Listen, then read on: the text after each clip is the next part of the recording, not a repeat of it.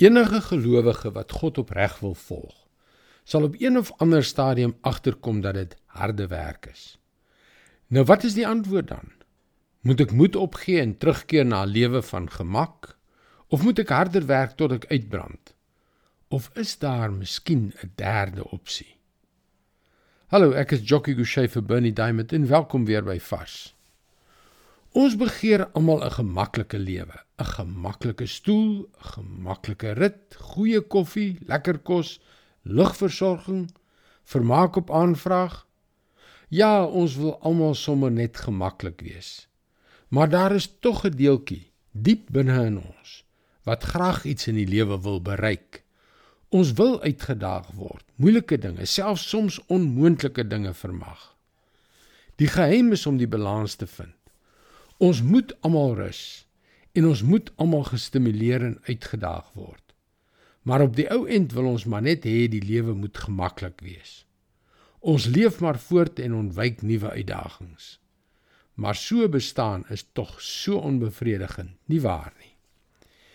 En dan kom Jesus, die Jesus waarvan die Bybel praat en sê: "Neem jou kruis op en volg my." Wag 'n oomblik, Ek wil gemaklik wees.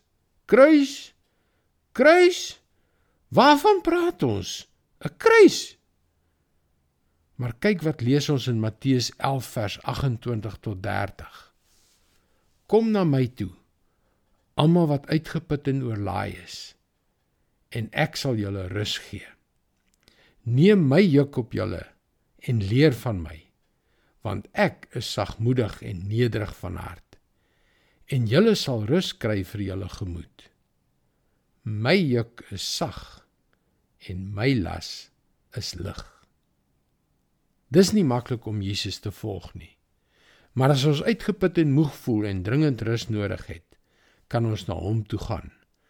By hom sal ons ontdek dat daar werklik 'n derde manier van lewe is.